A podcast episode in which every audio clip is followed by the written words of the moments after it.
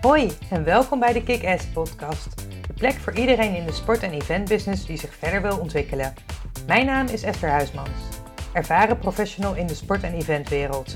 Je kent mij misschien ook van Kick-Ass, het inspiratieplatform voor vrouwen in de sport. Of van mijn online netwerktrainingen van de Kick-Ass Academy.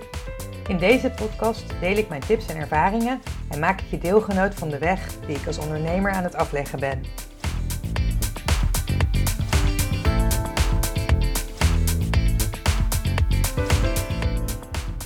Je moet een teflonlaagje creëren, zei ik tegen haar. Ze keek me aan en zei: Je hebt helemaal gelijk. Omgaan met feedback, omgaan met kritiek. Afgelopen week had ik hierover een gesprek met een coachie die zich bepaalde zaken veel te persoonlijk aantrekt. En dat is zo zonde, dat is niet nodig. En waar komt het door? Dus ik zei tegen haar: creëer de teflonlaagje, laat het van je afglijden.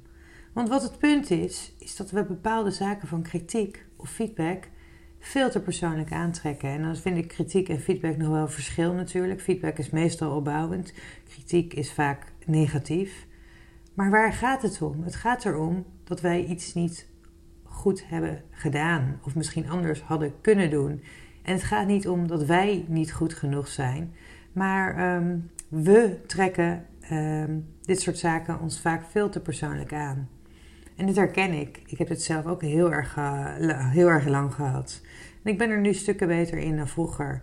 Vroeger wilde ik echt geen feedback zelfs. Want uh, kreeg ik alleen maar te horen wat ik allemaal niet goed had gedaan. En ik nam dat ontzettend persoonlijk op. En dat komt ook door uh, mijn situatie van vroeger. En ik heb hier eerder een podcast over opgenomen, podcast 15. En die gaat over hoe ik mijn perfectionisme heb los weten te laten. Maar ik was altijd op zoek naar externe waardering. Ik heb het gegooid onder perfectionisme en dat was het ook. En het heeft me ook heel veel gebracht. Maar eigenlijk was ik gewoon op zoek naar een schouderklopje. En vond ik het vreselijk als ik een fout had gemaakt of iets niet goed had gedaan en dat ik dat te horen kreeg. Nou, als je daar meer over wilt horen, uh, luister dan zeker podcast 15 even terug. Want uh, nou ja, zeker als je perfectionist bent, zul je hier heel veel in herkennen, maar zul je er hopelijk ook wat uithalen.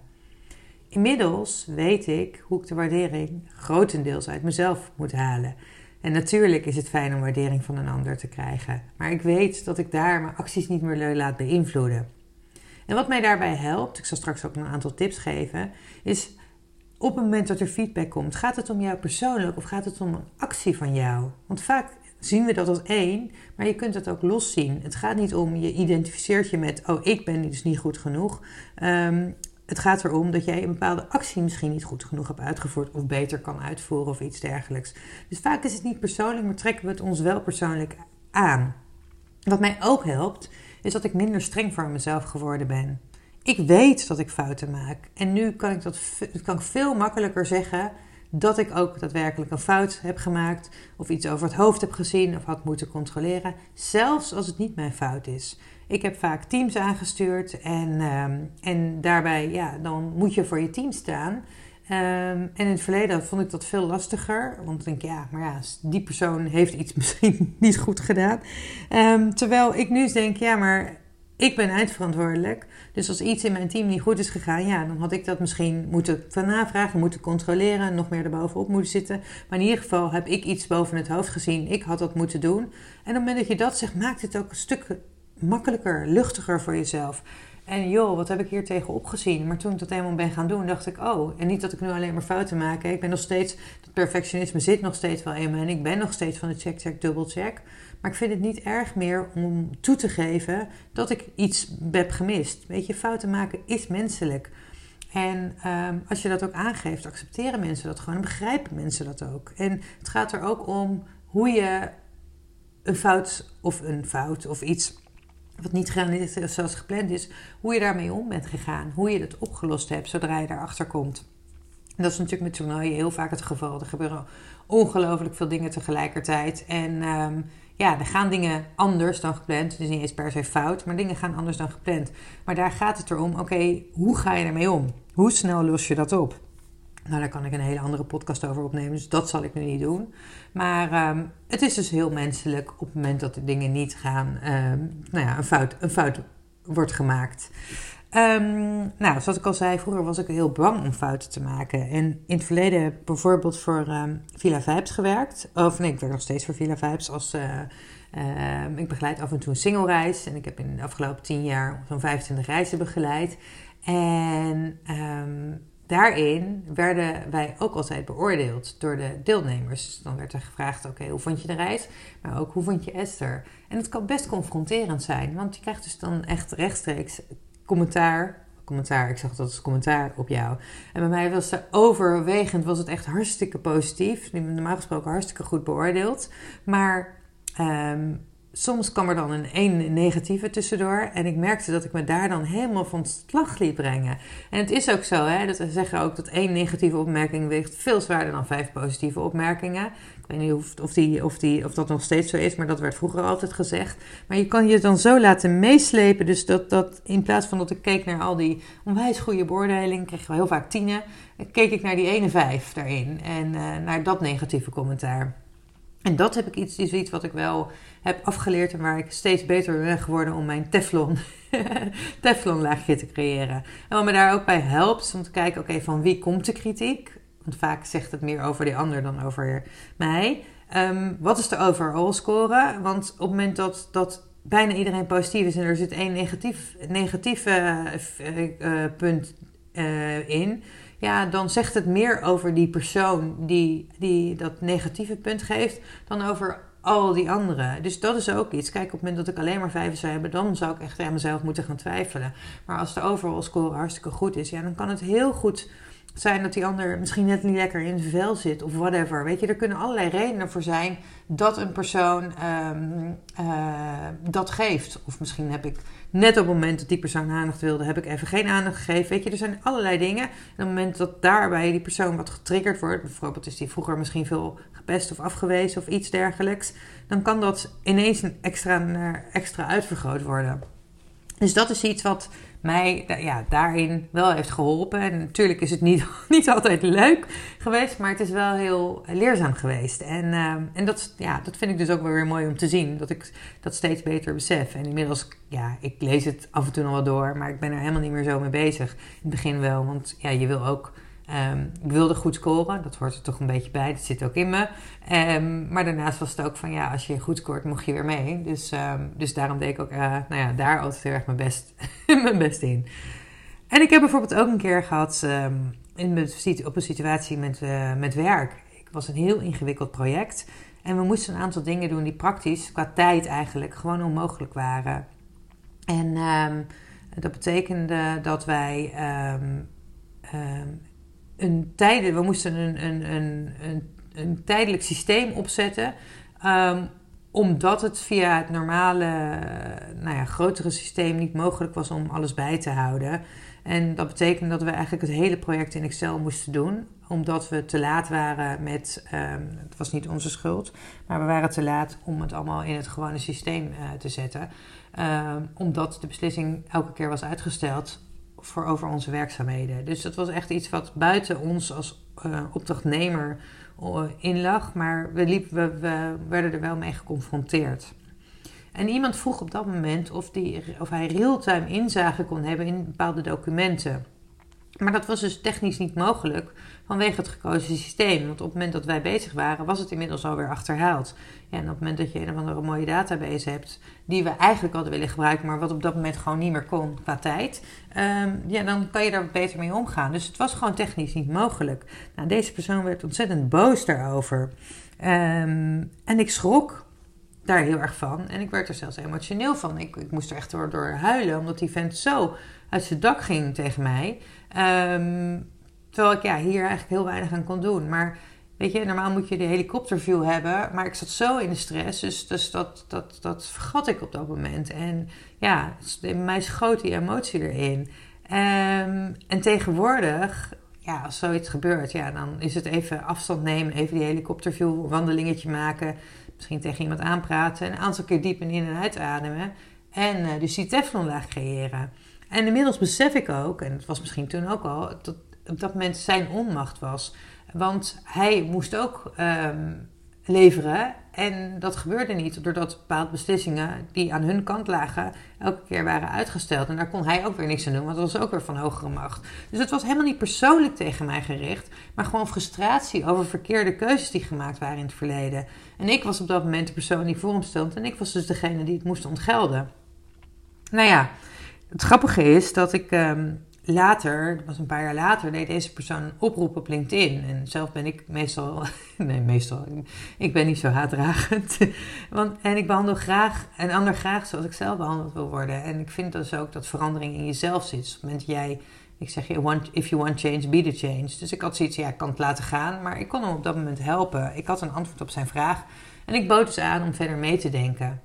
En het leuke was dat hij mailde mij en, en hij stelde zijn vraag. En op een gegeven moment zei hij: Apologies for being a bit of an asshole in the past. en daar moest ik eigenlijk heel hard om lachen. Want uh, ja, ja, het is wel goede zelfkennis in ieder geval. En mijn reactie daarop was ook dat hij inderdaad niet de makkelijkste persoon was om mee te werken. Waarop hij weer reageerde: Sorry, you got that shitty side for a while. Dus hij, hij erkende en herkende ook dat hij op dat moment gewoon ja, niet zijn beste zelf had laten zien. Dus weet je, er zullen allerlei redenen voor zijn dat dat gebeurt. En op het moment dat je dus dit uh, op, op een andere manier kunt bekijken, ja, hoe mooi is dat? Dus, dus hij, ja, ik vond het mooi dat hij die zelfkennis had en daarna was het contact ook gewoon oké. En het had dus echt niets met mij persoonlijk te maken. En dat is het vaak niet. Maar ik heb het me wel persoonlijk aangetrokken. Terwijl dat het dus gewoon echt niet was. Um, een aantal tips hoe ik ermee omga, ik heb net al wat benoemd, um, en die ik ook mijn klanten meegeef, is op het moment dat er kritiek komt, um, nou ja, sowieso is het goed om even die afstand proberen te nemen. En dat is niet altijd even makkelijk, maar um, ja, probeer het even op je te laten inwerken. En op het moment dat er zoiets komt, kan je ook aangeven: Nou, ik moet het even laten bezinken. Ik kom er later op terug. Op het moment dat je denkt: van ik word emotioneel of whatever. Want ja, ik heb binder. Um, gelukkig nu heb ik daar helemaal geen last meer van. Maar dat gebeurt gewoon. Ik bedoel, dat, dat, dat kan. En dat is um, ja, helaas soms iets waar uh, vooral vrouwen mee, mee te kampen hebben. Um, en vaak worden er andere dingen ook getriggerd. Maar wat ik uh, mee wil geven is dat je kunt kijken, is het terecht? Is het opbouwende kritiek? En onderzoek welke kern van waarheid erin zit. Kun je er bijvoorbeeld wat mee? Ben je het ermee eens? In dat geval, doe er wat mee en bedank de ander voor zijn of haar feedback. Is het onzin of maakt het je eigenlijk niet uit wat de boodschapper zegt? Laat het dan van je afglijden. Dus dan is die teflonlaag altijd wel heel handig. En wat, wat ik altijd wel grappig vind met feedback is, um, weet je, vroeger als ik in een organisatie werkte. En we hadden een bepaalde brief, die, uh, een nette brief die verstuurd moest worden. En we lieten die aan tien mensen zien. kwamen tien mensen met andere uh, feedback. Dus weet je, wat is juist, wat is waarheid? Um, hou het ook soms bij jezelf. En ik merkte bij um, mijn eerste online training Connecting with Confidence. Ik heb daar echt gevraagd aan alle deelnemers van oké, feedback op zowel inhoud als vorm van de training. Um, en het mooie was dat er op een gegeven moment twee achter elkaar kwamen. En de een zei: um, Ja, je, ik zie niet zo heel veel toegevoegde waarde aan filmpjes. Um, ten opzichte, of nee, aan audiobestanden ten opzichte van filmpjes. Nee, van filmpjes ten opzichte van audiobestanden. Hij zegt: Ja, ik luister net zo lief als dat ik naar je kijk. En de volgende persoon zei: Ja, de modules waar jij zelf in beeld bent, kon ik veel makkelijker in me opnemen. Dus de een had echt de voorkeur voor audiobestanden en de ander had heel erg duidelijke voorkeur voor um, visuele bestanden. En dat kan zijn hoe je in, um, hoe heet het, hoe, hoe je uh, geprogrammeerd bent. De ene is meer visueel ingesteld, de ander is meer op gevoel, de ander gaat meer op uh, auditief, dus uh, op het horen. Nou, er zijn allerlei mogelijkheden voor. Maar het grappige is, op het moment dat ik al die feedback wat wil doen, ja, dan is dat heel lastig. En ik had heel bewust gekozen. Ik had in overleg met een trainingsexpert. Had ik ook gezegd, had ik ook bewust gekozen van nou, een beetje verschillende manieren. Dus ook uh, lezen, uh, filmpjes bekijken, video's dus en audiobestanden. Zodat er voor ieder wat wil. Dus ja, je kan ook zeggen van nou ja, je doet alles in één keer. Ik bedoel, ik heb ook met wat trainingen gevolgd waarbij je zowel uh, video als podcast als transcript heb in één. Maar ja, dat was voor mijn eerste training was dat gewoon geen optie op dat moment. Maar weet je, op het moment dat ik met al die feedback wat wil doen, ja, dan, dan zit ik op een gegeven moment vast. Dus op dat moment is het ook van, ja, maar wat is de grote gemene delen? Wat kan ik daarmee? En dat geldt, dat was natuurlijk hierbij, maar dat is ook als het moment dat ik zo'n reis begeleid en ik kreeg een cijfer. Ja, uiteindelijk gaat het om de grote gemene deler. Dus daarin, ik kan het niet op dat moment 40 mannen 100% naar de zin maken. Dus ik kies ervoor om om daar in het midden te kiezen. En dat kan zijn dat ik dan één of twee personen niet naar de zin heb. Of niet naar de zin maak. Maar ehm, ehm, uiteindelijk gaat het om het, om het grotere geheel. En dat vond ik ook grappig, want bij Villa Vijf zijn ze op een gegeven moment ook... Ja, we zijn gestopt met de vraag van... Ja, wat kon er allemaal verbeterd worden? Want dan krijg je een hele lading, lading spullen. En dat is natuurlijk ook zo. Het ligt er ook aan welke vragen je stelt. Dus, uh, want mensen weten altijd wel wat te vinden. Um, wat niet goed is. Nou, volgende tip is: houd in gedachten dat mensen sowieso altijd wel wat van je zullen vinden. En de vraag is: laat jij daardoor leiden? En eigenlijk is dit een heel, misschien zelfs een heel ander onderwerp voor een podcast. En ik heb ook een keer podcast over opgenomen over omgaan met afwijzing. Um, maar dat heeft hier ook mee te maken. Dus kritiek van anderen, of um, nee, niet eens feedback, maar kritiek van anderen, misschien zelfs buiten je om. Maar mensen zullen dus iets van je vinden. Um, en je kunt je daardoor laten leiden of je kunt ze juist iets leuks geven om over te praten. Het grappige is, als ik aan mijn klanten vraag van wat maakt het je eigenlijk uit dat persoon X iets van je vindt, dat ze dan heel vaak beseffen, oh ja, eigenlijk interesseert het me helemaal niet. Maar toch laten ze zich door tegenhouden of door leiden. En dat is zo zonde. En ik benoemde het al eerder. De volgende tip is, kijk ook van wie de feedback of de kritiek komt. Soms helpt het ook om de situatie vanuit de ander te bekijken. Want het kan zijn dat mensen je uh, willen behoeden voor bepaalde fouten. Of um, dat, dat jij bepaalde dingen doet die zij misschien wel zouden willen, maar nog niet durven. Dus daarom, uh, nou ja, dat tegenhouden. Maar ik, ik houd de positieve intentie van de ander in de gaten. En vaak is het van ja, beschermen of hun reptiele brein gaat aan. Waardoor ze bang zijn dat jij misschien de zeven sluiten tegelijk vol loopt. Uh, dus er zijn allerlei triggers die bij hun kunnen meespelen. En het kan ook zijn dat ze bijvoorbeeld ja, of jaloers zijn omdat ze het zelf zouden willen, maar ook bang zijn dat ze je verliezen uh, omdat jij aan het veranderen bent, whatever. En wat mij hierbij heel, heel erg helpt, is de quote van Brene Brown. En zij zegt: If you're not in the arena getting your ass kicked, I'm, then I'm not interested in your feedback. Dus dat is ook op het moment dat jij bezig bent met bepaalde stappen, kijk jij naar um, de feedback van, nou ja, bijvoorbeeld je leidinggevende die je kan helpen om een bepaalde stap te maken. Of laat je je tegenhouden door mensen die, die misschien jou alleen maar nou ja, naar beneden willen trekken. Of jou veilig willen houden. Dus dat is iets waar, uh, wat heel goed is om uh, in gedachten te houden. Aan, van, en, van wie krijg je feedback, maar ook aan wie vraag je feedback op het moment dat je daar naar op zoek bent.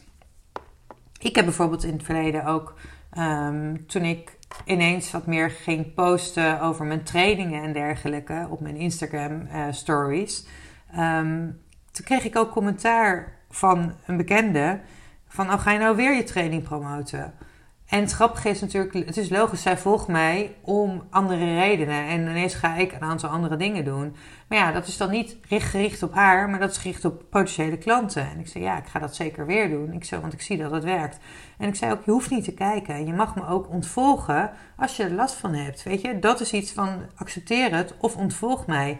Um, want dat is anders zonde van, van ieder energie. Um, en net zoals deze persoon, die ging veel meer ineens, die kreeg, kreeg kinderen en ging daar veel meer over posten. En ik vind het heel erg leuk, maar ik vind, ja, ik was haar daar in eerste instantie ook niet om gaan volgen. En als het alleen maar daarover gaat, ja, dan is het ook de vraag wat, wat ik daar nog aan dan heb. Maar als zij dat wil posten, dan moet zij vooral haar gang gaan. Net zoals dat ik dat doe. Dus weet je, niemand verplicht een ander om, uh, om elkaar te volgen. Dus op het moment dat er zoiets komt, nou, dan kan ik kijken, oké, kan ik wat met die opmerking? Nou ja, daar vond, ik vond een deel van de opmerking, ik dacht, nou, daar kan ik wel wat mee. Misschien kan ik het op een andere manier insteken. Aan de andere kant dacht ik, nee, weet je, als je, mij, als je dit niet wil zien, nou, dan moet je, me gewoon niet, moet je me gewoon niet bekijken. Je kan je altijd uitschrijven. Je kan je altijd, uh, je kan altijd ontvolgen. Dus dat is uh, een keuze van jou. En ik bepaal wat ik post op mijn uh, Instagram kanaal en op mijn social media. En als je dat niet wil zien, nou ja, het is heel makkelijk. Er zit een, uh, een ontvolgknop en op de tv zit er een uitknop en iets dergelijks. En uh, je kunt zelf helemaal bepalen wat je wil.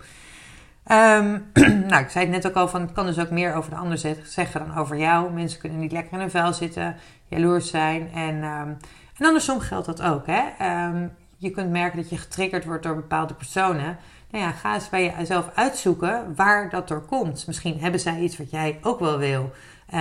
dus, dus het is heel interessant om te kijken, want vaak zegt het meer over, nou ja, op het moment dat jij dat die jaloezie, jaloezie ervaart, zegt het meer over jou dan over de ander.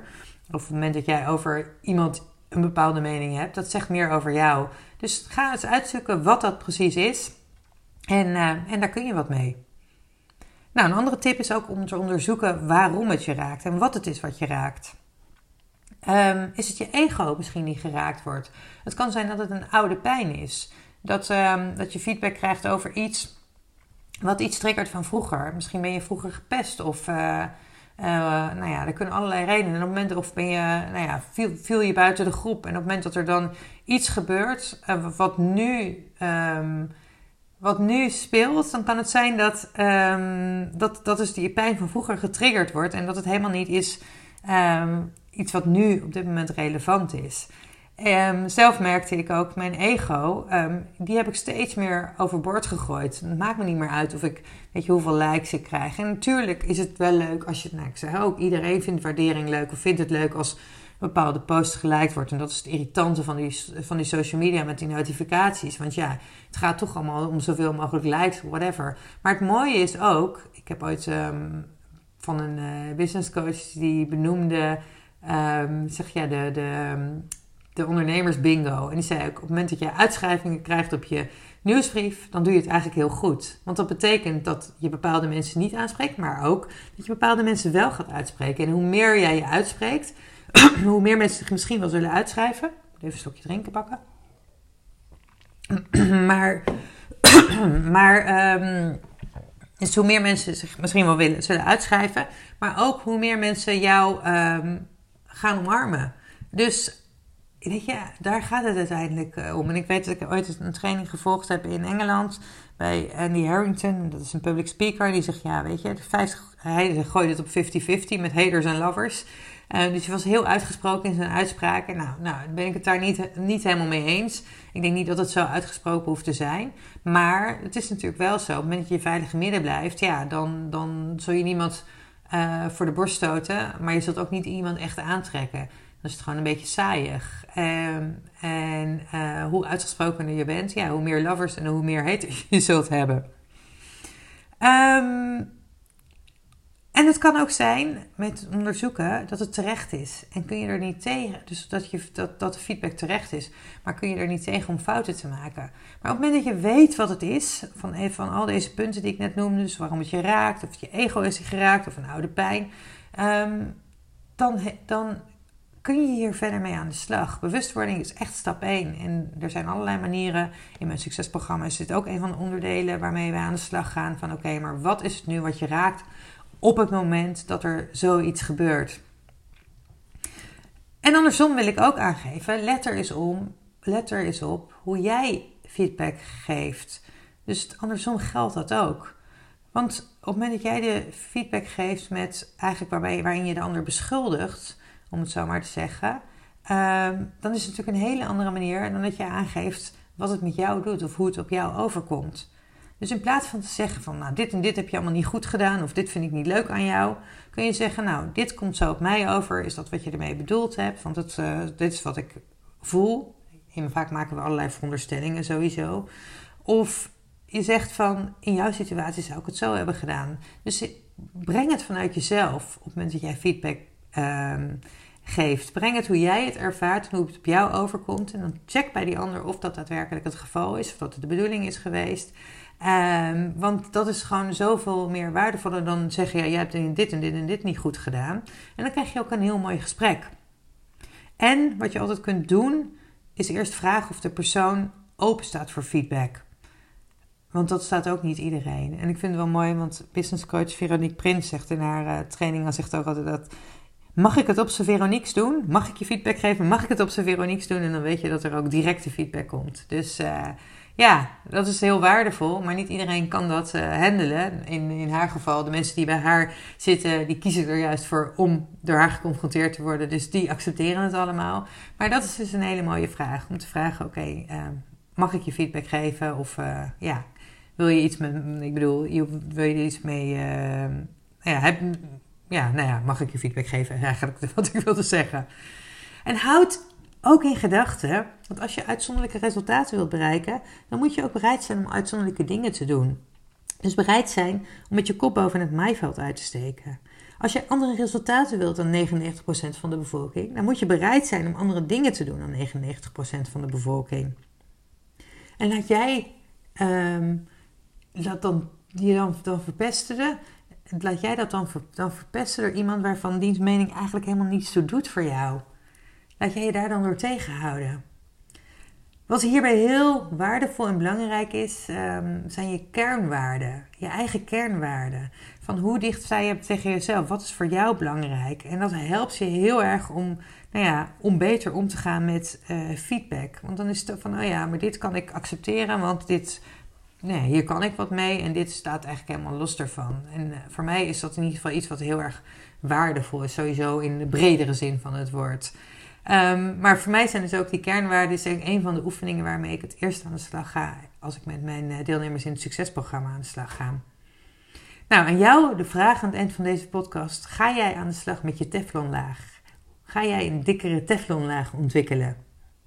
En heb jij hier nog moeite mee? Wil jij je teflonlaag beter ontwikkelen? Dan is mijn succesprogramma zeker iets voor jou. In dit programma gaan we namelijk drie maanden samen aan de slag met jouw doelstellingen. We onderzoeken je kenwaarden, we tackelen je uitdagingen. En na afloop sta jij um, met veel meer zelfvertrouwen je vrouwtje, om het zo maar te zeggen. Heb jij een veel dikkere teflonlaag. Heb je hier een interesse?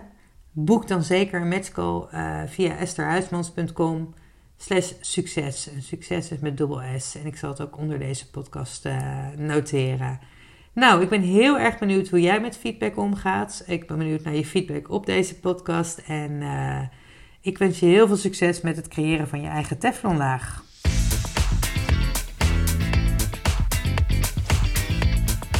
Dit was de aflevering van vandaag. Heel erg bedankt voor het luisteren. Vond je deze aflevering waardevol? Dan zou het heel fijn zijn als je een review wilt achterlaten op iTunes of op Spotify. Tot de volgende keer!